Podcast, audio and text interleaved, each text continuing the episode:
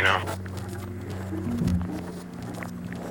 I'm not going for the fire that's coming out of the walls. Know? I'm not going there to go be in the VIP area and drink fancy fucking champagne.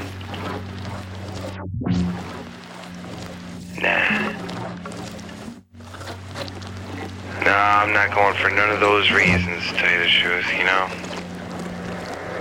I'm just going for the music. I don't need big breaks and a big song with a build up and lights and smoke. Fuck all that, man. I don't need none of that shit. I just need some good music. I got enough problems on my own, man, with women and jobs, DJing and making music, you know. So when I do go out, man, I just want to have a drink and just and just sit back, man, and be by myself and just nod my head to some good music, man. I don't want to be fucked with by all the lights and dressing nice. I'm just a regular guy, you know, that walks into a club and wants to hear a groove. All different types. My life ain't gonna change tonight.